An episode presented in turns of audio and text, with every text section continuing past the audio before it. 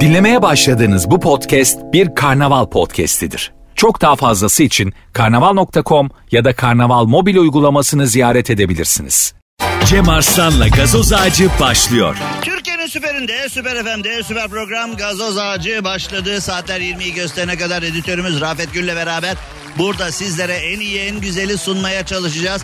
Ülkemizde birçok şey oluyor, dünyada birçok şey oluyor. Seçimlere gidiyoruz, ekonomi, yumurta, ekmek, süt, geçim, maaşlara zam gelecek mi, gelmeyecek mi? Şimdi e, insanlar da tabii ki şunun derdinde...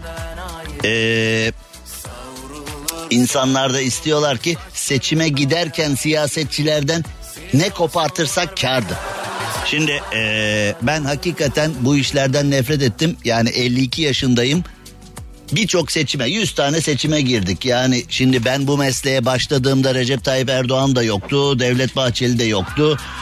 O da yoktu, bu da yoktu. Onların hepsi başka görevlerdeydi. Ee, şu anda rahmetli olan diğer liderlerin seçimlerine de girdiğimizde siyasetçi denen insan kürsüye çıktığında aklımı mangalda kül bırakmaz. O en dürüsttür, o hiç yalan söylemez, o hiç yanlış yapmaz.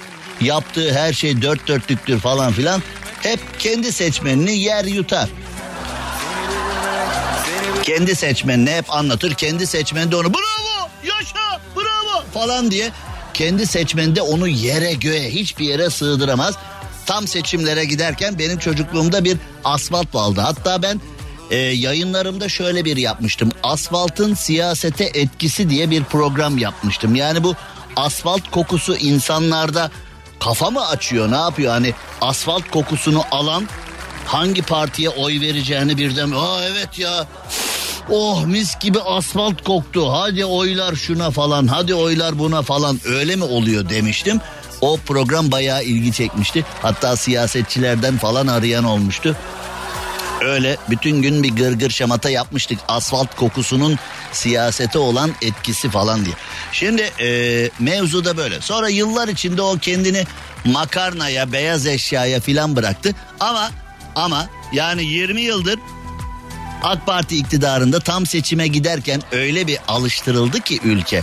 Yani ben gelişmiş ülkelerde olduğu gibi mesela bir Almanya'da desen ki biz makarna dağıtıyoruz veya beyaz eşya dağıtıyoruz veya işte şunu bunu yapıyoruz. Ee, oylarınızı da Merkel'e verin filan. Hani bunu bir Alman'a filan anlatman mümkün değil. Bunu bir Norveçliye, İsveçliye anlatman filan mümkün değil Avrupalıya ama bizde böyle oluyor. E vatandaş da bakıyor.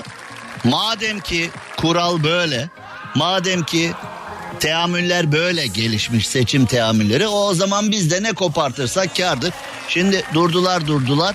Tam seçime giderken işte ev dağıtıyorlar maaş zammı yapıyorlar bilmem ne. Bunu da vatandaşımız bizim canımızdır. Vatandaşımız bizim her şeyimizdir. Onlar için biz varız. Hizmet için biz yersen yersen papaz eriği. Yani e, ama vatandaş da biliyor ki yalan söylüyorlar. AK Parti'de CHP'de MHP'de işte yani bütün seçmen biliyor ki siyasetçi. Şimdi zaten bu politika lafı yani Roma'dan geliyor. Poli çok tik de hani şöyle e, gözün falan atar böyle sağın solun oynar. Tik hani vardır ya. Ve tik de eskiden yalan söyleyenlerde olan bir şeymiş gibi yansıtılır. Politics çok yalan anlamına geliyor. Muş. Yani ben bir araştırmıştım politika kelimesi nereden geliyor diye. Politika kelimesi Roma'dan çok yalan anlamına gelen bir kelime. Zaten yani konuya isim takarken bile yıllar yıllar önceydi. Once upon a time.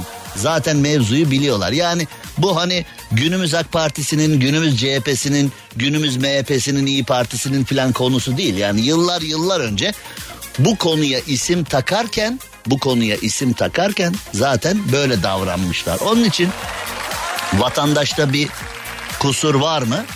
Bence tüm kusur vatandaşta. Çünkü yani e, siyasetçinin yapacağı hizmetler anlamında vatandaş önce kaliteli bir istekte bulunacak. Vatandaş önce kaliteli bir duruş sergileyecek ki siyasetçi de diyecek ki oğlum bunlar bize göz açtırmaz. Bunlar bizim gözümüzü oyar. Biz yanlış yaparsak bunlar bizi koltuğumuzdan eder. Bunlar bizi saltanatımızdan eder, sarayımızdan eder. Her şeyden eder bunlar bizi. Bizde öyle bir kamuoyu var ki vallahi bizi bitirirler falan. Bizim siyasetçilerin böyle bir şey demesine gerek var mı? Yumurta 4 lira. Dolar 18 lira diyorsun. İnadına reis diyor. Oğlum altılı masadan bir şey çıkmıyor. Daha adayınız yok. Bırak projeyi bilmem neyi daha adayınız yok diyor. İnadına CHP diyor. Ya devlet, devlet Bahçeli artık yaşlandı. Hani koskoca MHP'yi barajı geçemeyecek hale getiriyor. Koskoca MHP'yi tek başına iktidar olması düşünülen MHP e, zar zor koalisyon ortağı olabilecek hale geldi. Bu Devlet Bahçeli ile hani olmuyor daha genç bir lider falan lazım. İnadına Bahçeli falan diyor. Yani bizde şimdi kamuoyu böyleyken hani inadına reis, inadına CHP falan. Çünkü AK Parti diye bir şey kalmadı. Ta sadece Recep Tayyip Erdoğan gerçeği var. AK Parti'den Recep Tayyip Erdoğan'ı çıkart bir şey kalmadı. Bir de şimdi AK Parti'den hoşlanmıyorum ben reisçiyim diyenler çıktı. Şimdi AK Partiliyim, CHP'liyim, MHP'liyim diyenlerin yanına ben reisçiyim abi diyenler var şimdi. Yani reisçi. Peki öyle bir parti var mesela oy pusulasında hani reis diye bir şey var mı? Yok olmadığı için aslında AK Parti'den ben de şikayetim var ama reisin hatrına falan diyenler var. Yani AK Parti'den reisi çıkart. Eski ANAP'tan daha fena durumdalar. Hepsi birbirine geçmiş vaziyette şu anda ama e, Tayyip Erdoğan o dengeyi kuruyor. Ama bu da tabii Tayyip Erdoğan'ın bir yandan büyük başarısı, bir yandan büyük başarısızlığı. Çünkü normalde Tayyip Erdoğan'ın da hani öyle bir şey olması lazımdı ki kendi hani AK Parti'nin 500 yıl yaşayacak bir parti olması ya da bin yıl yaşayacak bir parti olması lazımdı ama bunu ANAP da beceremedi. Turgut Özal rahmetli oldu ANAP da gitti. Yani birkaç parti var lideri kim olursa olsun hiç değişmeyen ama AK Parti'de Tayyip Erdoğan'dan sonra e, işi zor gibi gözüküyor. Yani yerine genç lider. Bu ülkede her şey yetişiyor, genç lider yetişmiyor. Bu ülkede her şey yetişiyor, yönetici yetişmiyor. Hep böyle birilerini alıyorlar, bir köşelere yerleştiriyorlar. Onların üstüne de Onların üstüne de bir e, senaryo kuruyorlar. İşte senin rolün bu, senin rolün bu, senin rolün bu, senin rolün bu diye. Yani şimdi mesela bakıyorsun işte günlerdir söylüyorum. Mesela altılı masaya bakıyorsun. Hani iktidarın bu kadar eksiği varken, iktidardan bu kadar şikayet varken altılı masanın böyle e, yırtması lazım ortalığı ya. Hani böyle kırmızı görmüş boğa gibi böyle etrafı e, yarması lazım böyle. Hadi hadi hadi işte projelerimizle hazırız falan diye. Altılı masaya bakıyorsun. Yine zamanında gündem değiştirmek için bir başörtü konusu atılmıştı ortaya. Şimdi altılı masaya bakıyorsun. Ya arkadaş e, hani millet geçinemiyor, ev kirasını veremiyor.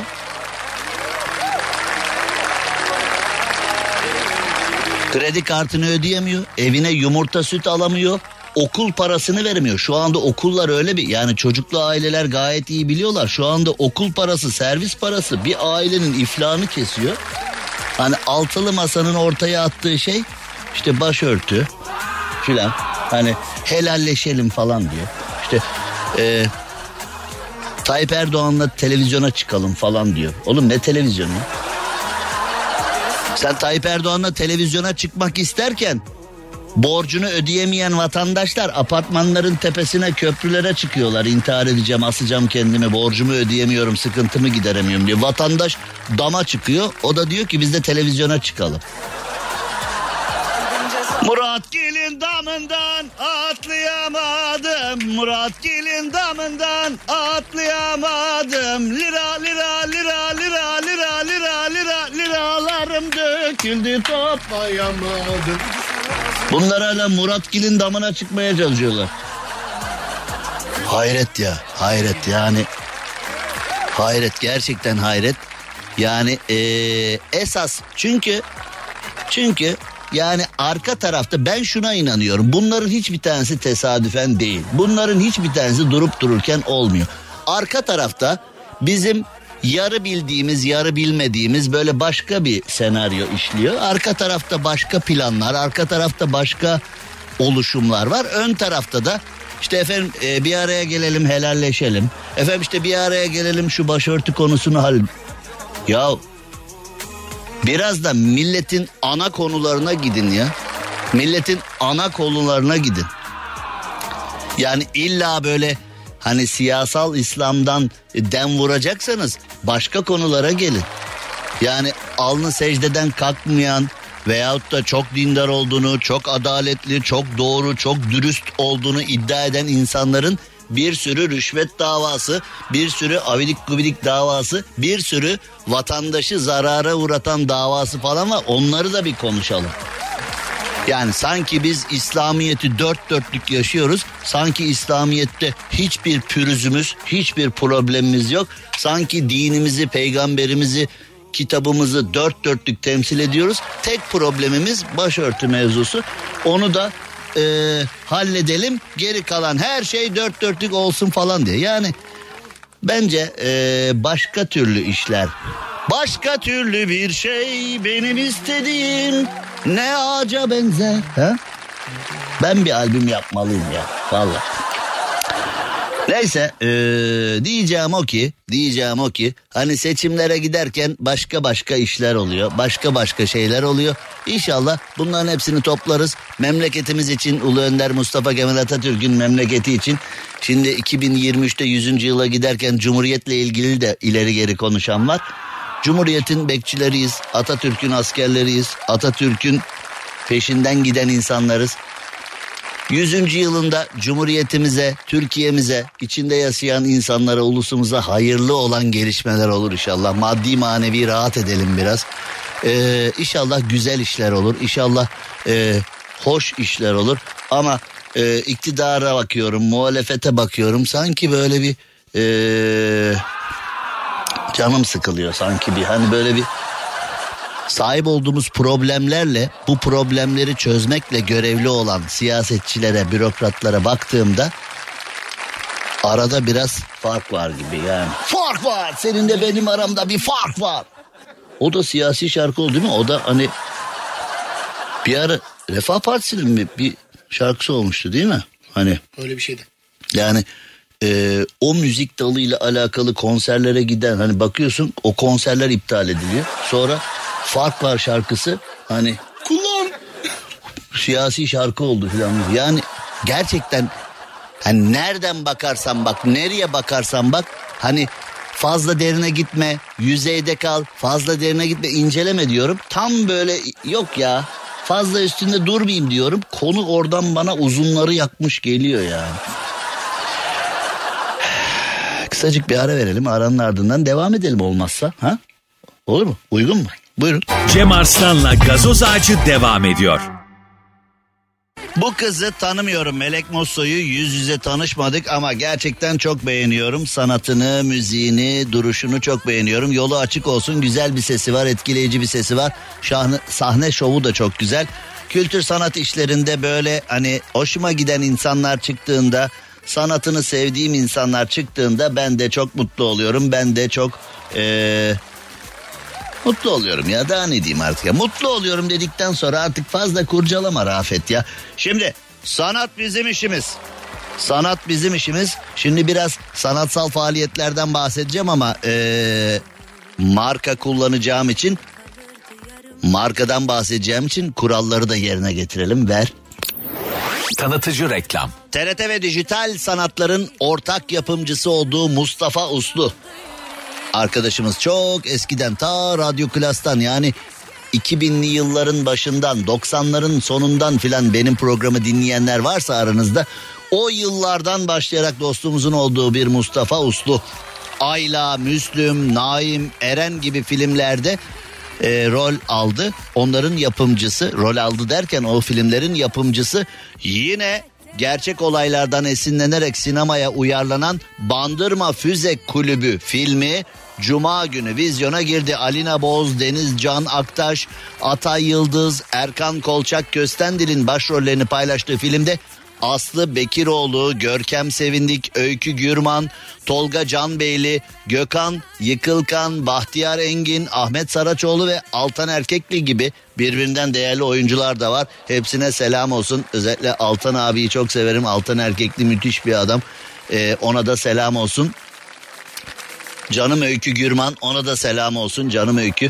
Gerçek olaylardan esinlenen film günümüzden 60 yıl kadar önce dünyada ilk defa fezaya araç gönderen ülkeler arasına girmemizi sağlayan liseli gençlerin bugün ne yazık ki unutulmuş olan umut, azim ve zafer hikayesini beyaz perdeye taşıyan bir film.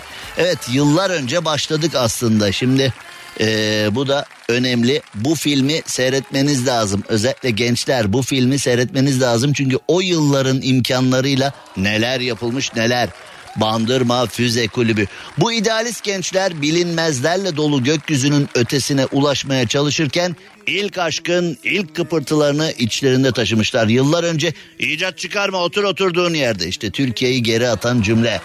İcat çıkarma otur oturduğun yerde denerek desteklenmeyen yok sayılan ülkemizin yüz akı olan bu gençlerin Türkiye'de küçük bir kasabada engellemeler, zorluklar ve alaylarla başlayan buna rağmen yılmayıp Sovyetler Birliği ve Amerika'nın ardından uzay yarışında biz de varız dememize olanak tanıyan çalışmaları ne yazık ki hak ettiği ilgiyi göremez ve zamanla da unutulur gider.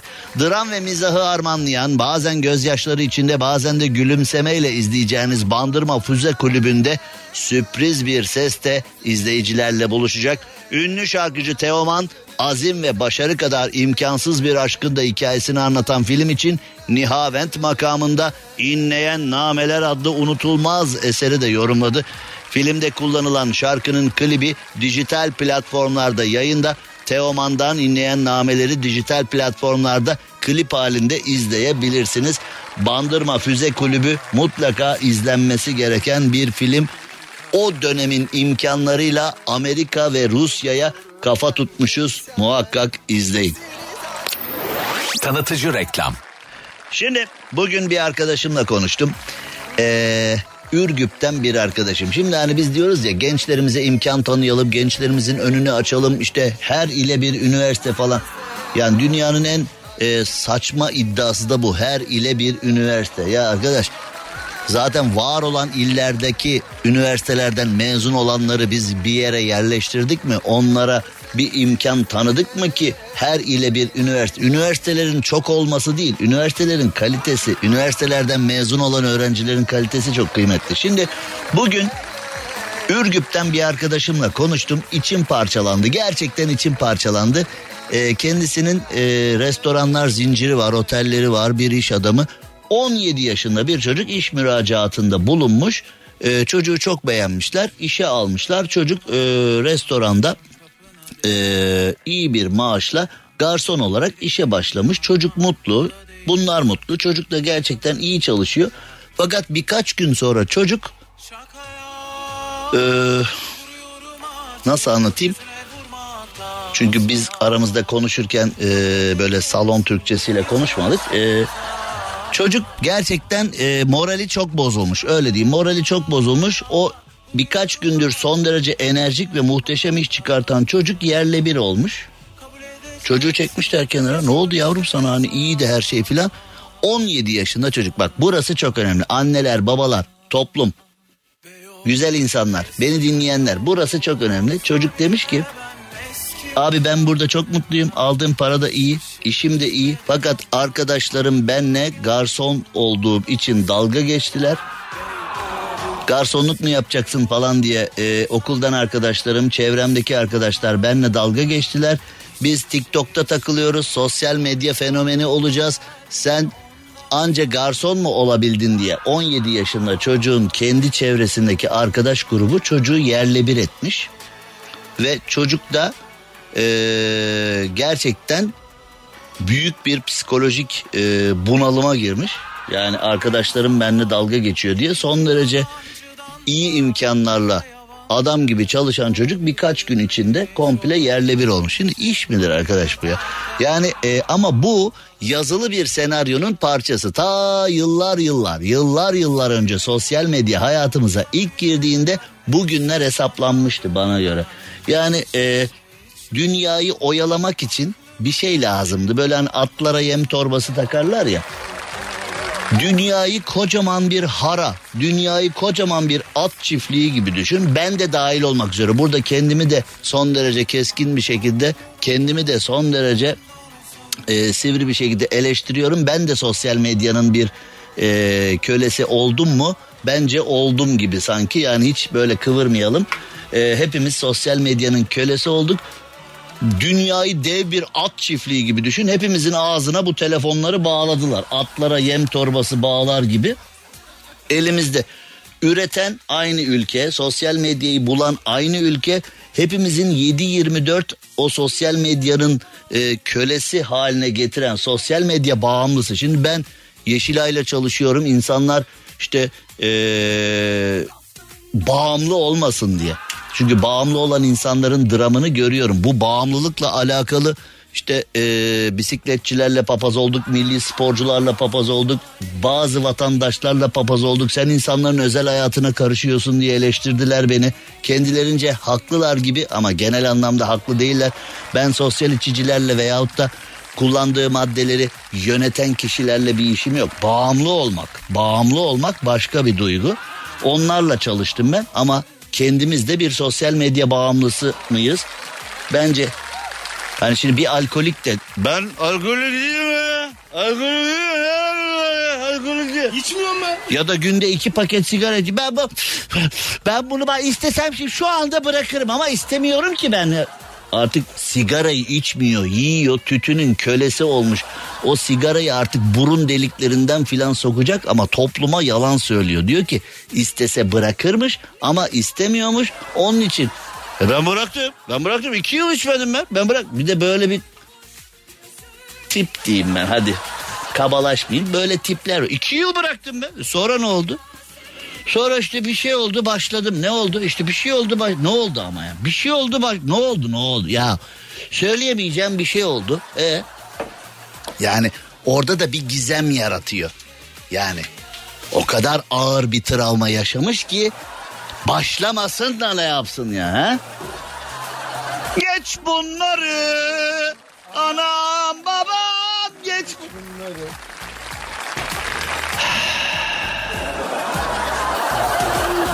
Biz 40 kişiyiz birbirimizi biliriz gibi bir atasözü vardır. Japon Japon'u tanır gibi bir atasözümüz vardır. Yani şimdi e, dünyanın ağzına yem torbasını bağladılar. Dediler ki zaten akıllı olanlar bizi bulur. Diğer salakları bırakın elde bizim ürettiğimiz cep telefonlarıyla bizim ürettiğimiz sosyal medya ağının içinde debelensin dursunlar. Mühendis olmak isteyen yok, avukat olmak isteyen yok, doktor olmak isteyen yok. Herkes bir TikTok fenomeni. Herkes bir bir de böyle araya insanlar serpiştiriyorlar. Mesela bir tane kadın çıkıyor. Ayda 300 bin lira kazanıyorum sosyal medyada. Bir tane tip çıkıyor. 100 150 100 150. Alışveriş alışveriş siteleriyle oğlum şimdi hani medyadan çok ünlü insanların alışveriş siteleriyle veyahut da birileriyle olan reklam anlaşmalarıyla kendini karıştırma. Şimdi Cem Yılmaz'dı, Tarkan'dı filan onlar hani böyle birileriyle reklam anlaşması yapıyor. Ne var? Tarkan'dan neyim eksik benim? ben bir kağıt kalemim var ben bir liste yapayım. Tarkan'dan neyin eksik bana bir hani e, bak sonra ben sana Tarkan'dan neyin eksik listeleyeceğim. Kuzu kuzu döneceksin sonra mesleğine. İşte kuzu kuzu döndüm tekrar mesleğime. Bir de utanmadan Tarkan'dan neyin eksik? O yapıyorsa ben niye yapamıyorum diyor. Bana diyor. Efendim? Oğlum dürtme beni. Bak gerçekten tik oldu bende. Dürtme. Gece uyurken uyanıyorum ya. Bir reklama gireyim filan. Gece uyurken çok uyudum. Bir reklam arası vereyim diye uyanıyorum Beni ya. rüyanda görmen güzel. Ya seni rüyamda görmüyorum. Uyanıyorum çok uyudum. Hani böyle artık ara vermeden detaya girmeyeceğim. Senin yüzünden ara vermeden bir şeyi devamlı yapamaz oldum ya. Ya bir şey yaparken böyle dıt dıt dıt dıt dıt dıt bir şey yapıyor. Bir dakika ara veriyor. Aradan sonra finali yapacağız falan Beş diye. saniye dur. Ya çevrem nefret etti oğlum benden. Hiçbir şeyi devamlı yapamaz hale geldim senin yüzünden ya. Bana detay verdirtme bana. Neyi yaparım ya? Senin yüzünden her şeyi ara vererek yapıyorum ya. Huzurumu bozdun ya. Vücut dengem bozuldu. Allah Allah ya. Enzimlerimi bozdun oğlum sen benim. Hiçbir şeyi devamlı salgılayamıyorum yani. Enzimlerimi bitirdin sen benim ya. Görüyor musun bak bir Cem Arslan olmak ne kadar zor. Allah kimseye vermesin yani burada bak hani böyle Tamam oğlum tamam ver ara ver. Cem Arslan'la gazoz ağacı devam ediyor. Süperinde, Süper FM'de yayınımıza devam edelim. Şimdi eee, milyonlarca kişi beni dinliyor ama bir kişi de Rafet'i dinliyor. Yani eee, Rafet'i de hani arada bir kişi de çıkmasın mı ya? Rafet Bey eee, arkadaşınıza selam söyleyin o arkadaşınıza. Bursa'dan İbrahim Bursa'dan İbrahim Özdemir kardeşimiz bizi dinliyormuş. Aslında beni dinlerken yanında para üstü gibi Rafet'i de verdik Hayır, yani. Selam söyle duyuyor. arkadaşına. Selam söyle Selamlar arkadaşına. kardeşim benim. Bu mu? Bu abi yeterli. Oğlum biz selamlar kardeşim deyince hani İbrahim falan bir adam kendini bir özel hissetsin ya. İbrahim Özdemir. Evet. Selamlar kardeşim. Ha, Bu mu yani? Zorla bak. Benden İbra- abi fazlası çıkmıyor. Alt tarafı İbrahim'e bir se- Tamam gider misin buradan? Tamam te- çok teşekkür ediyoruz. Ee, pazartesi günü sevgili dostlar güzel insanlar şimdi ee, şöyle bir muhabbetimiz var. Pazartesi günü, pazartesi günü Eskişehir'de Espark'ta Espark'ın 15. yıl dönümünü kutlayacağız. Bol bol bol bol bol bol bol bol hediyelerimiz var. Ya beni boş ver hediyeler. Ben sen olsam hediyeler için gelirdim. Eskişehir'den bizi dinleyenler, Eskişehir'den bizi dinleyenler 15. yaş gününü Espark'ın 15. yaş gününü mutlu yıllar Espark, mutlu yıllar Espark. Mutlu yıllar, mutlu yıllar Espark diyerek kutlayacağız. Ve e, bu harikulade, bu harikulade e, bir eseri diyeceğim. Çünkü Eskişehir için bir eser. Sadece bir AVM değil. Gerçekten bir eser çünkü e, eski bir fabrika ve İnşaat sırasında Espark AVM tarihi bacaların her birini numaralandırarak söküp restorasyondan sonra tekrar ilk haliyle tuğlaları yerine koydu. Yani sadece bir e, AVM değil bir açık hava müzesi gibi de Eskişehir için. Eskişehirliler için harikulade bir yer. Eski kiremit fabrikası AVM oldu ve Eskişehirliler orada zaman geçiriyorlar, birbirleriyle sosyalleşiyorlar. Bu zamana kadar orada birçok konserler verilmiş. Çok değerli sanatçılar Ajda Pekkan, Selda Bağcan, MFÖ, Ceza, Yeni Türkü, Volkan Konak. Şimdi de ben geleceğim. Orada defalarca yayın yaptık Espark'ta. Şimdi de 15. yaş günü için geleceğiz. Sizlere hediyeler dağıtacağız. Aslında Espark'ın doğum günü. Hediyeyi Espark'ın alması lazım ama Espark sizlere hediye verecek. 15. yaş gününde çok ciddi, çok ciddi hediyelerimiz olacak ve bu hediyelerden yararlanın istiyoruz ve bu hediyelerle beraber mutlu olun istiyoruz. Pazartesi günü gazoz ağacı programı pazartesi günü gazoz ağacı programı nerede olacak? Espark'ta olacak. Şimdi e, Espark'ta e, sevgili Bülent kardeşimize de bir selam yollayalım. Espark'ta kim yapacak bu mevzuyu? Rescue.com.tr adresinden takip edebilirsiniz. Rescue.com.tr'ye de teşekkür edelim. Ee, Espark Alışveriş Merkezi yönetimine de teşekkür edelim. Bu harikulade organizasyonda tüm Eskişehir'de sizleri aramızda görmek istiyoruz. Gerçekten çok eğleneceğiz. Gerçekten hediyelere boğacağız gelenleri. Bunu da yapmış olalım. Ee, sevgili Bülent'e, sevgili Rescue'ya çok teşekkürler edelim. Şimdi ee, devam ettiğimizde programımızda ee, devam ettiğimizde neler var neler yok derseniz sizlere hazırladığım birkaç bir şey var. Yani sizlere hazırladığım derken ben hazırlık yapmıyorum programa girerken ama hani bunu yayında konuşalım dediğim bir mevzu var. Şimdi ee, nereye doğru gidiyoruz? Rusya'ya doğru gidiyoruz. Şimdi Rusya deyince Ukrayna ile olan savaş akla geliyor ama bir enteresan taraf var. Şimdi iki tane cümle söyleyeceğim size. Bu cümle çok bilinen iki tane cümle. Şimdi bir mekana gittiğim abi bir arkadaşa bakıp çıkacağım. Mesela mekana seni almadıklarında ne dersin? Abi bir arkadaşa bakıp çıkacağım. Kimliği bırakayım istersen filan diye. Arkadaşa bakıp çıkmak. Veyahut da mesela birisi böyle bir Allah korusun kalp krizi geçirir ya da mesela bir kaza olur ölümden döner falan iyileştikten sonra onunla konunun yorumunu konuşurken sana ne der? Abi öteki tarafa gittim geldim ya. Yani resmen ölümü yaşadım öteki tarafa gittim geldim. Şimdi neden açtım bu konuyu? Rusya'da bir şirket para karşılığı bir saat mezara gömüyormuş insanları. Parasıyla değil abi öteki tarafa gittim geldim. Fakat şakacı bir şirketse gömer çıkartmazsa. O zaman işte tam gömer yani. Baba parayı verdik çıkartmadılar ya. Ya da mesela sen aşağıdasın yanına da bilmiyorum haberleşme için bir şey verirlerse yanına da. Vallahi baba sen aşağı inerken 100 dolarda ama zam geldi. Ee, çıkartmamızı istiyorsan bir yüzlük daha atacağız. Senin orada pazarlık imkanın var mı yani şimdi? Hani ne isteseler vereceğim öyle zor durumdaydım denen anlar var ya işte o an o an gibi yani ha. Şimdi öbür tarafa gittim geldim diyor. Vay be. Ya da mesela böyle kılçık bir işçiye denk geldin seni gömdü o sırada mesaisi bitti ben gidiyorum baba dedi. Ben çay molası verdim. Ben çay molası ver kal baba orada Allah Allah ben mi dedim sana aşağı in mezara diye madem indin kal orada falan diye. Yani e, böyle şeyler olur mu? Olur. E, şimdi yalnız e, firma da tabii uyanık firma demiş ki biz sizi para karşılığı bir saat toprak altına gömüyoruz. Yani e, hakikaten sağlam gömüyoruz dememiş de demiş ki biz bu sayede kişilerin korku, anksiyete ve benzeri sorunlarını ortadan kaldırıyoruz. 50 ben 100 dolar falan yani aklımda hep 100 dolar var ya jenerik bir rakam ya 100 dolar. Ee, 100 doları verip hani bazı derinliklere inebiliyorsun tabii 100 dolar orada bir jenerik bir para.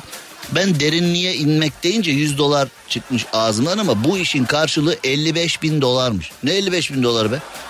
Gerçekten Birçok insan var at bir 100 dolar bak seni istediğin metreye gömer çıkartır yani. 55 bin dolar. Bir saat toprak altında kalmak eee, cenaze törenine uygun müzik, mumlar, vasiyet yazma. Oğlum ne vasiyeti? Yani şimdi ben vasiyeti yazacağım biliyor. Şimdi mesela bütün paramı Rafet'e bıraktım diye vasiyet Abi. yazıp aşağı iniyorum falan. Rafet delirirsin yani o parayı alınca. Yani ne güzel olur falan deme çünkü o parayı duyunca ne deyip kafayı sıyırırsın. O paranın hayrını görmezsin. Şimdi ama şöyle bir şey ben diyelim bu şirketle anlaştım mümkün değil ama yani İniyorum aşağıya Rafet'e de diyorum ki bütün parayı sana bıraktım. Ve Rafet de salak değil ya biliyor bir saat sonra o vekaletin bir hükmü da o vasiyetin bir hükmü yok. E çocuk ne yapsın bir saat sevinecek yani iş mi? Neyse sen hani üzülme diye küçük bir meblağ atarız sana da. Şimdi eee Rafet Bey beni yine dürtmeye başladı. Bir reklam arası vermemiz gerekiyormuş. Saat başı geliyor. Kısa bir ara verip saat başını idrak edelim. Saat başından sonra devam edelim. Pazartesi günü Eskişehir Espark'ta bir doğum günü yapacağız. Espark'ın 15. doğum gününü. Haydi çocuklar, haydi çocuklar. Şimdi eee, kısa bir ara verelim. Cem Arslan'la gazoz ağacı devam ediyor. Türkiye'nin süperinde, Süper FM'de yayınımıza devam edelim. Pazartesi günü Eskişehir'deyiz. Eskişehir'de bekliyoruz onu söyleyelim. Şimdi Amerika'nın California eyaletinde bir fotoğrafçıdan bahsetmek istiyorum. Çünkü Pasifik'te bir sörfçünün arkasından eee, harika bir kare diye lanse edilmiş. Sörf tahtasında giderken eee, dikine bir hani rahmetli Flipper vardı ya Flipper diye bir diziyi hatırlıyorsanız eski TRT'den filan. O böyle kuyruğunun üzerinde suyun üstüne çıkardı. Aynen o şekilde bir beyaz köpek balığı suya dikine çıkarak sörfçünün arkasından gitmiş. Şimdi ısırmasına gerek var mı? Sörf yapıyorsun. Bir Jaws geliyor. Diye sudan çıkıyor. Senin oradan ısırmasına falan gerek yok. Oraya ölüyorsun zaten. Yani aslında Jaws seni canlı canlı yeme zevkinden mahrum kalıyor. Senin ölünü yiyor zaten orada hani. Ama bu sefer öyle olmamış. Sörfün arkasında giderken o fotoğrafı çekmiş ve o fotoğrafla beraber kıyıya da çıkmış demiş ki "Ee, büyük bir iş başardım ve o fotoğrafı nasıl çektiğini anlatmış. Şimdi zaten milyonlarca sörfçünün Olayı bu.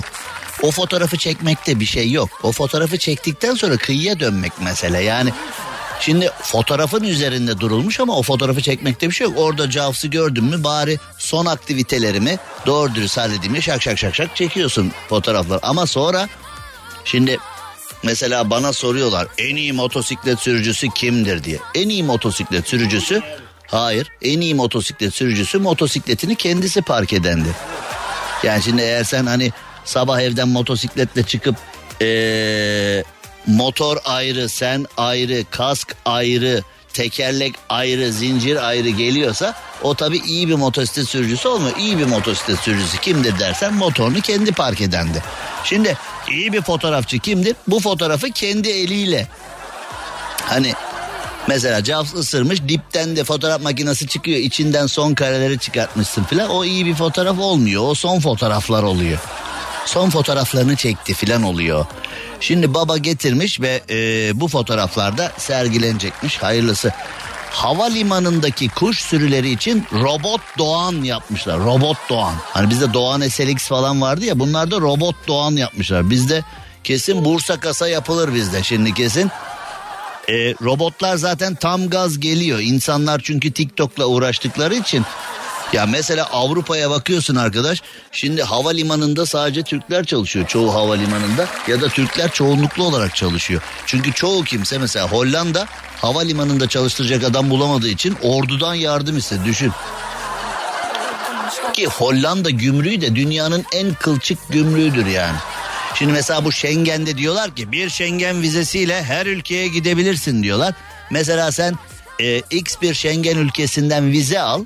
İlk olarak Hollanda'ya git. Kanunu onlar koymalarına rağmen vizeyi Yunanistan'dan almışsın. Neden Hollanda'ya geliyorsun? E sen dedin bunu. Bir Schengen vizesi aldıktan sonra istediğin Avrupa ülkesine, AB ülkesine girebilirsin. Benim kuralım mı? Senin kuralın bu dediğin zaman hayır diyor. Vizeyi Yunanistan'dan almışsın. Neden Hollanda'ya geliyorsun diyor. Oğlum bu senin kuralın değil mi? Hollanda gümrüğü dünyanın en kılçık gümrüğü olabilir büyük ihtimalle. Daha kılçıkları vardır da. Şimdi buna rağmen bir gidiyorsun hep çoğunlukla Türkler yabancılar çalışıyor gümrükte. Şimdi e, bu şartlarda Hollanda gümrüğü de saatte 48 kilometre yapan robot doğanlar geliştirmiş. Çünkü e, havalimanına iniş kalkış yapan uçakları doğanlar tehdit ediyormuş. Bu robot doğanlar da gerçek doğanları kovalayacakmış. Yani e, acaba kim kullanacak burada? Hollanda havalimanında doğan operatörüyüm diye. Ha? Yeni meslek kolu. Ne iş yapıyorsunuz? Doğan operatörü. Nasıl iş? Süper iş değil mi? Doğan kullanıyorum abi.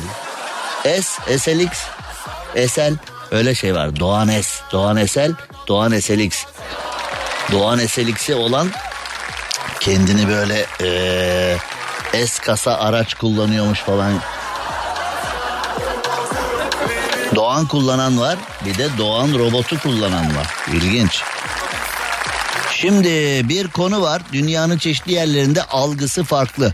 Şimdi Türkiye'de hani adı Zakkum diye konseri iptal etmeye kalktılar. Zeytinli Rock Festivali'ni iptal etmeye kalktılar.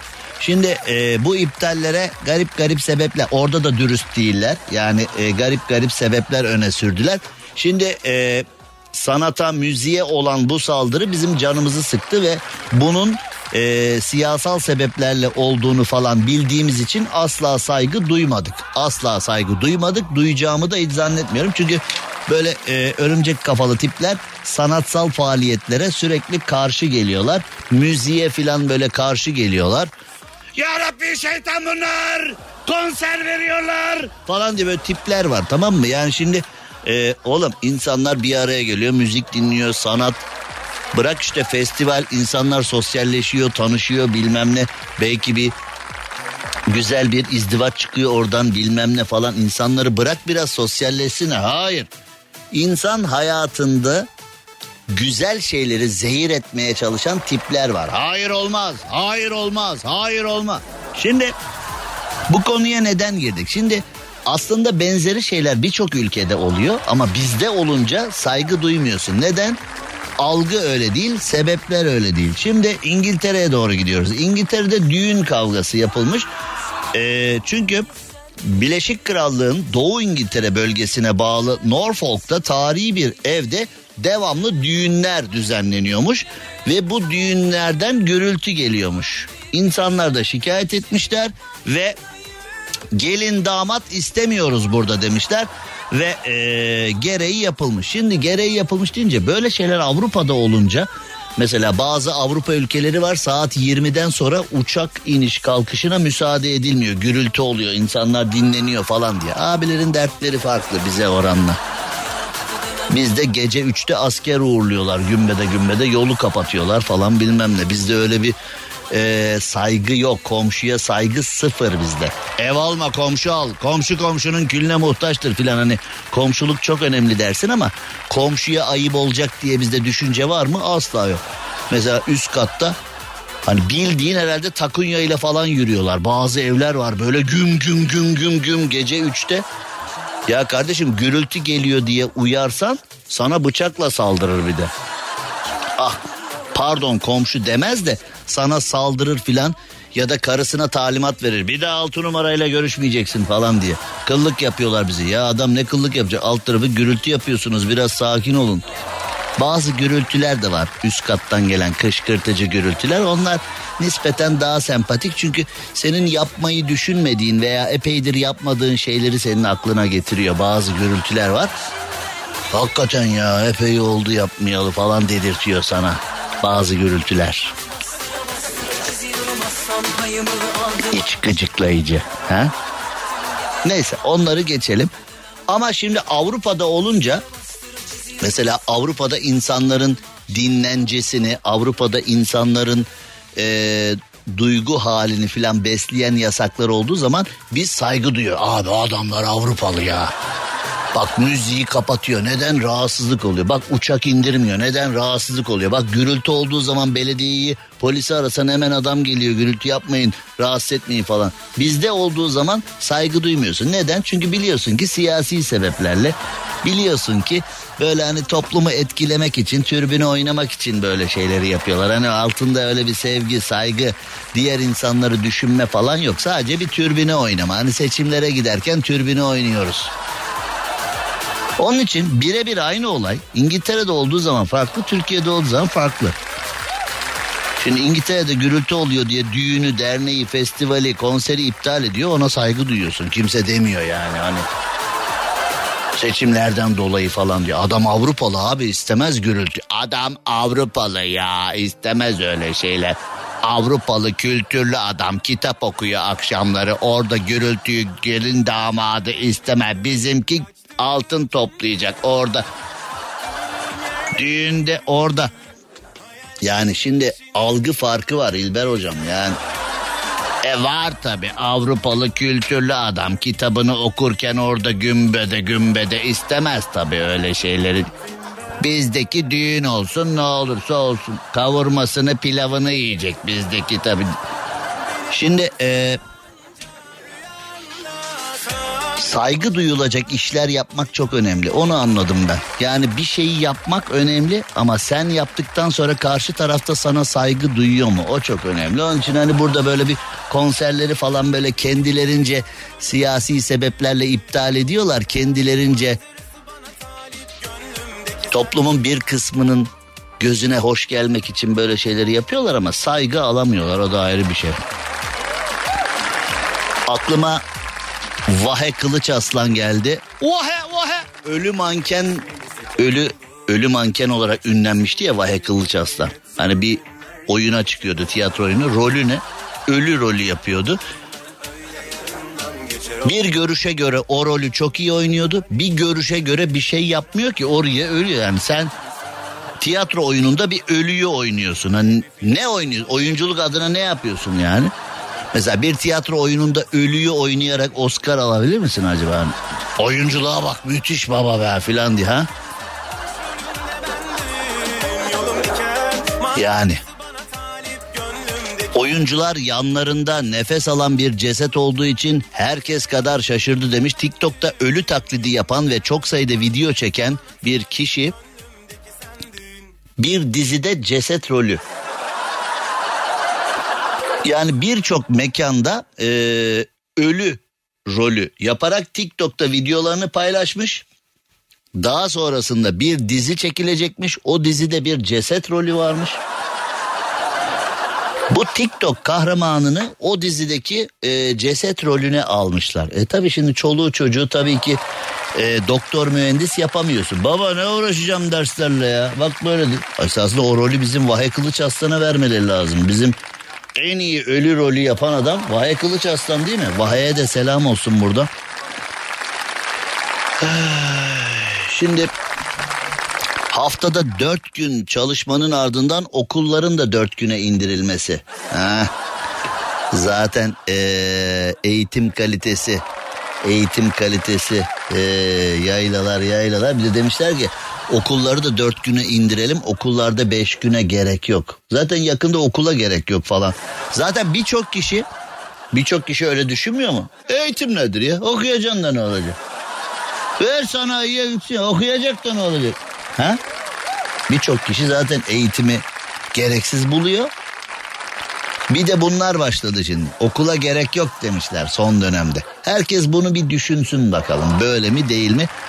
Avrupa ve Amerika ciddi ciddi pilot uygulamalara başlamış. Okul haftada dört gün diye.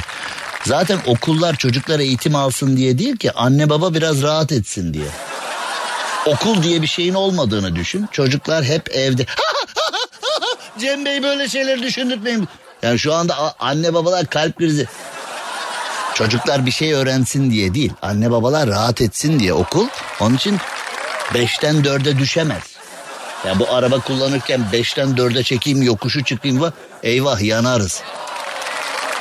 Cem Arslan'la gazoz ağacı devam ediyor. Türkiye'nin süperinde, süper FM'de yayınımıza devam edelim. Şimdi bu saatlerde eve giden var evde ben başkasının yaptığı yemeği yemem deyip kendisi yemek yapıp yiyen de var. Ama bugün çok iyi oldum hiç yemek yapasım yok. Dışarıdan alışveriş yapalım ya da bir yerlerden bir şey söyleyelim işte lahmacun bilmem ne pizza falan bir şey söyleyelim diyenler de var. Yemeği yapmayı tercih eden de var dışarıdan söyleyen de var. Şimdi e, mesela yeni bir moda çıktı. Artık e, bu evlere bir şeyler getirenler de ya da bazı müşterisine üst düzey hizmet vermeyi düşünen kuruluşlar da diyorlar ki hani küçük notlar varsa hani gelirken arkadaşımız getirsin falan. Müşteri memnuniyeti çok önemli ya. Arkadaşımıza siparişi verin. Eğer olabilecek şeyse küçük bir şeyse hallediverelim gibi. Şimdi Ankara'ya doğru gidiyoruz. Ankara'da yemek siparişi veren bir kişi siparişin not kısmına öyle bir şey yazdık. Çiğ köfte siparişi vermiş. Gelirken ee, bir kutu da prezervatif alır mısın diye not yazmış. Oğlum bu nedir? Çiğ köfteciye verilir. Ya puh, bu kadar yani e, çiğ köfteciden çiğ köfte siparişi verirken gelirken de bunu al denir mi ya? Çiğ köftecinin kuryesi de demiş ki ben yıllardır utancımdan kendimi alamadım. Son derece utangaç biriyim. Şimdi ben bunu nasıl alayım? Bu ne biçim istek? Hakikaten bu nasıl bir istek? Yani e, bu nasıl bir romantizm? Hani şimdi bakıyorsun çiğ köfte yani şimdi mesela hani evdeyim öyle bir malzeme ne zaman lazım oluyor herkes biliyor. Onun detayına girmeye gerek yok. Hani neden hani ee, Cem Yılmaz'a soruyor neden miza? Hani neden böyle bir istekte bulundunuz? Onun nedeni belli de. Şimdi hani, o evde neler oluyor? Hakikaten o evde neler oluyor? Yani böyle çiğ köfteleri kalp şeklinde yapın falan mı diyor? Yani bu nasıl bir roman? Bu nasıl bir acılı aşk? Bu nasıl bir aşk? O evdeki romantizme bak. Yani bulgurları hiç üşenmedim. Tek tek kalp şeklinde kestim bulgurları. Çiğ köfteyi de değil falan diye. Acılı bir aşk var ortada herhalde. Çiğ köfteyle sipariş hiç tutmadı. Yani o evdeki romantizm aşkım bana gidelim mi çiğ köfte yeriz filan diye hani çiğ köfte koleksiyonumu sana gösterme. Yani Sabah uyandığımda her şey için çok geçti. Lavaşıma çiğ köfte katmışlar falan. Yani bu bu ne oğlum? Bu ne şimdi yani? Abiler bir kutu alın ben gelince parası neyse size vereyim demiş. Bir de böyle hani kendine acın abi çok lazım yani bir sanki bir ilaç ölüyorum abi gelirken tansiyon ilacımı alın. Abiler ne olur ne olur diye yazmış ya ne olur alın ben size gelince veririm diye. Kim gelince ne gelince oğlum hani gelince veririm diyor nasıl gelince yani. Siz alın getirin siz geldiğinizde ben ödeyeyim demiş. Kurye de demiş ki siz artık koronadan sonra sapıttınız iyice. Böyle şey istenir mi demiş. Kurye de ben yıllardır kendime bile alamıyorum bunu utancımdan sana nasıl alayım demiş. Görev. Görev aşkı. Yani yemedim yedirdim almadım aldım. Hani bu kurye de yıllar sonra anılarını bir kitapta toplarsa bu arada bu gece sabaha kadar çalışacağım. Kitabın prova baskısı geldi. Benim de üzerinde bazı çalışmalar yapmam lazım. Eğer her şey yolunda giderse bu gece sabaha kadar çalışıp kitabı e, o son rütuşlarını bitirirsem yarın inşallah kitap baskıya giriyor ve e, Kasım'ın ortası veya son haftası okuyacak hale gelirsiniz. Şimdi ben kitap basınca tabii şöyle olur. Cem abi 20 yıllık dinleyicinim artık bize verirsin mi kitap? Bakalım ne olacak. Yalnız bu çiğ köfteciden böyle bir istek devamlı anmak istemiyorum o isteği. Bir kere söyledim işte devamlı anmak istemiyorum. Çiğ köfte siparişinin yanında genellikle ayran, şalgam falan olurdu. Bu çiğ köftenin yanında bu kutu yani bana biraz olmazsa olmazı bu yanında. Eskiden çiğ köftenin yanında hani marul, atom, dürüm, şalgam, ayran, Ekstra acı. ekstra acı olabilir evet. Yani öyle şey maydanoz, yeşillik, Lavaşı taze nane yaprağı filan hani böyle şeyler istenirdi. Şimdi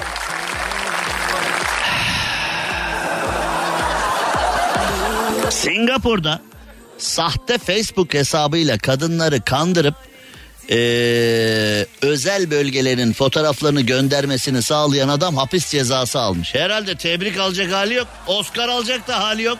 Herhalde ceza alacak. Ben doktorum demiş. Kadınların çıplak fotoğraflarını ve özel bölge fotoğraflarını çekmiş. Bir de bunları e, yayınlamış. E, Singapur'da da bu yakalanmış. Şimdi e, uyanık olmak lazım. Maalesef hani şimdi beni dinleyen birçok kişinin arkadaş ne günlere kaldık ya. Ortam çok bozuldu dediğine eminim ama hakikaten ortam bozuldu. E, ben de 19 aylık bir kız babası olarak yani çocuklarımızı yetiştirirken gerçekten zorlanacağız. Çünkü hani iyiyi kötüyü öğretin çocuklarınıza diyorlar ya iyi ne kötü ne onun tarifi de iyice gitti. Şimdi hani sosyal medya diye bir mevzu var onun içinde ne ararsan var çıfıt çarşısı gibi artısı eksisi ne ararsan var. Sosyal medyanın hani çocuklara yararı çocuklara zararı şimdi e, desen ki teknolojiden uzak tutalım bilgisayardan bilmem neden uzak tutalım o da söz konusu değil. Çünkü yarın öbür gün meslek sahibi olduğu zaman da bilgisayarlar iş hayatının da içinde ama e, iş hayatının içine eden konuların da içinde. Yani şimdi düşünsene hani e, bu bilgisayarları teknolojiyi çok iyi bilmen lazım ki iş hayatında belirli bir yere gelesin ama bilgisayarda çok fazla vakit geçirdiğin zaman da o iyi işi alabileceğin konulardan derslerden de uzak kalıyorsun. Ama hepsinin başrolünde bilgisayar var. Yani bir bilgisayar var. 7-24 oyun oynamak için de kullanabilirsin. Kendini geliştirmek için de kullanabilirsin. Aynı bilgisayar. Seç bakalım mavi yap mı kırmızı yap mı? Matrix filmi gibi oldu. Yani hakikaten bir Matrix'in içine girip 7-24 oyun oynayarak mı zamanını aynı bilgisayarla geçireceksin? Zaman zaman oyun da oynuyorum. Ee, bence bu konuda prensipli olanlar hani hayır oyundan uzak tutun başaramazsın. Başaramazsın. Burada önemli olan şey, güzel olan şey hepsini orantılı olarak yapmak. Hepsini e, düzgün bir şekilde halletmek. Yani e, e, Rafet Bey bende ikisi de var diyor. Oyun da oynuyorum. İşimi de yapıyorum diyor. Film de izliyorum diyor. Ne tür filmler izlediğini öğrenmek istemiyorum yalnız. O filmde bırakalım onu. Ee, şimdi kısacık bir ara verelim. Hemen devam edelim. Cem Arslan'la gazoz ağacı devam ediyor. Türkiye'nin süperinde, Süper FM'de yayınımıza devam edelim. Fenerbahçe'nin Rennes maçı var. Rennes ya da Ren, bazıları Rennes diyor, bazıları Ren diyor. Ee, ben de Ren diyorum ama bazıları Rennes'le maçımız var, Rennes'le diye. Ee, yani şimdi Ren ya da Rennes'le maçımız var ikisinden biri ama 5. dakikada yediğimiz bir golle maalesef 1-0 mağlup duruma düştük. Ee, neredeyse mağlup başladık maça. Ee, bugün bana tabii iyi bir Fenerbahçeli olduğum için Allah'a şükür ee, bana sordular maçla alakalı. Ben pek umutlu e, konuşmadım çünkü e, Fenerbahçe'de tarih boyunca bunlar hep oluyor. Hani Fenerbahçe ne zaman böyle iyi bir yola girse, iyi bir gidişat tuttursa hemen böyle tamam artık biz olduk, yürüdük işte hani e, şöyle olur, böyle olur filan. Yani ilk önce disiplini elden bırakmadan devam etmek lazım. Ee, Cesus'la Fenerbahçe'nin geçtiğimiz yıllara oranla daha iyi bir tempo, daha iyi bir futbol, daha iyi bir 11, daha iyi bir disiplin tutturduğu kesin ama daha bitmedi. Daha bir sürü işler var. Bu maçta da bu gereksiz kendine güvenin e, bir bedeli olacağı noktasında görüş belli etmiştim. Sonra sordular söyledim. Şimdi ama Türkiye'de e, yani şu anda beni dinleyenler herhangi bir konuda herhangi bir soru cevaplarken hani size bir kafa açmak için söylüyorum. Emin olun Türkiye'de kimse kimseye fikri öğrenmek için soru sormuyor. Vallahi bak hani mesela e, kimse kimseye Rafet bu konuda ne düşünüyorsun falan diye aslında Rafet'in düşüncesini merak eden falan yok. Yani insanların kendi bir düşüncesi var. Sana soruyu niye soruyor biliyor musun? Acaba sen de öyle mi düşünüyorsun diye. Yani e, ya da hani kendi düşüncesini biraz bak bak Rafet de böyle düşünüyor. Evet evet evet gördüm. diyor. Mesela bana şimdi soru soruyor e, maç ne olur diye ben de fikrimi söylüyorum yani Fenerbahçe'nin işi zor kolay gibi gözüküyor ama Fenerbahçe'nin işi zor ve ben e, pek hani böyle abi hallederiz ya beş atarız falan gibi bakmıyorum konuya. E, çünkü ne zaman biz iyi bir futbol tuttursak böyle bir gereksiz havaya girilse e, gereksiz bir e, duruma gelse işler başımız belaya giriyor. Fenerbahçe olarak geçmişe göre çok daha iyi işler yaptığımız kesin ama disiplini elden bırakmamamız gerekiyor filan dediğimde ya bırak bu ne biliyor boş yapma ya bırak ne konuşuyor. Bir de Türkçe'de böyle bir laf oluştu şimdi boş yapma diye. Bana da az önce bir dinleyicimiz yazmış boş boş konuşuyorsun diye. Çok teşekkür ediyorum kendisine. Şimdi sevgili dostlar Zeki Güner ve Yonca Lodi şu anda dinlemekte olduğunuz Yelkovan şarkısı nefis bir şarkı. Zeki Güner ve Yonca Lodi bu şarkıya müthiş bir can verdiler. Onu söylüyorlar. Siz de e, severek beğenerek dinliyorsunuz. Şimdi biz e, yavaş yavaş finale geliyoruz. Pazartesi günü Eskişehir'de olacağız. Espark'ın 15. yaş gününü kutlayacağız. Çok hediyeler var. Yaş günü olduğu için Espark'ın müthiş hediyeler var. Hem çok eğleneceğiz hem muhteşem hediyeleri size vereceğiz. Eskişehir'den bizi dinleyen veya Ankara'dan gelmek isteyen veya çevre illerden gelmek isteyen de olabilir. Atlayın gelin valla. Pazartesi günü 18-20 saatler arasındaki programımız Eskişehir'den olacak. Dolayısıyla da dolayısıyla da e, sizlerle orada görüşmeyi e, diliyoruz, istiyoruz. Şimdi kısacık bir ara verelim. Hemen devam edelim. Bu yediğimiz gol moralimi bozdu benim Rafet. Yani e, her ne kadar bu duruma hazırlıklıysam da bu durumu tahmin ediyorsam da e, benim canımı sıkan erken bir gol oldu. Haydi çocuklar! Haydi çocuklar! Kadıköy'de burası Kadıköy buradan çıkış yok.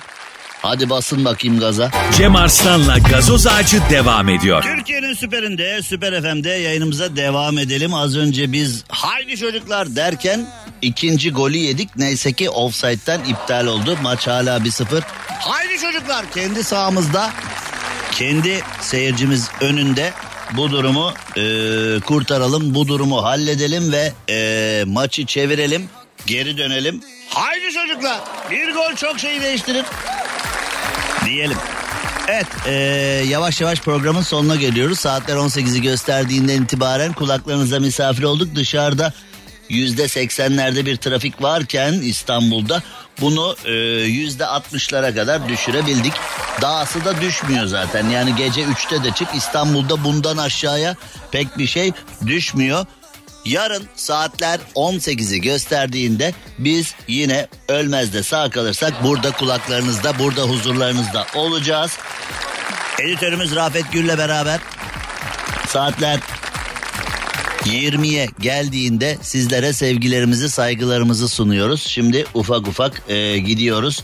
Biz de maçı izleyelim bakalım neler olacak. Biz de maça bakalım bakalım neler olacak. İnşallah e, maç bittiğinde lehimize hem Fenerbahçe'nin hem de ülke puanına, ülke futboluna yarayan bir mevzu olur diyelim. Şimdilik hoşçakalın. Cem Arslan'la gazoz ağacı sona erdi.